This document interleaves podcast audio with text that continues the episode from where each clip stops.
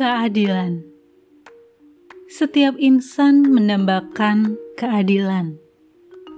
Namun di dunia ini, keadilan tak selalu didapatkan. Itulah kenyataan.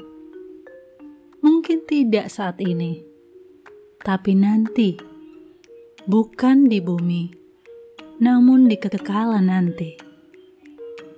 Bersabarlah, berharaplah pada Yang Maha Kuasa, yang sanggup memberi keadilan yang sebenarnya, dengan caranya yang luar biasa, melampaui yang kita duga.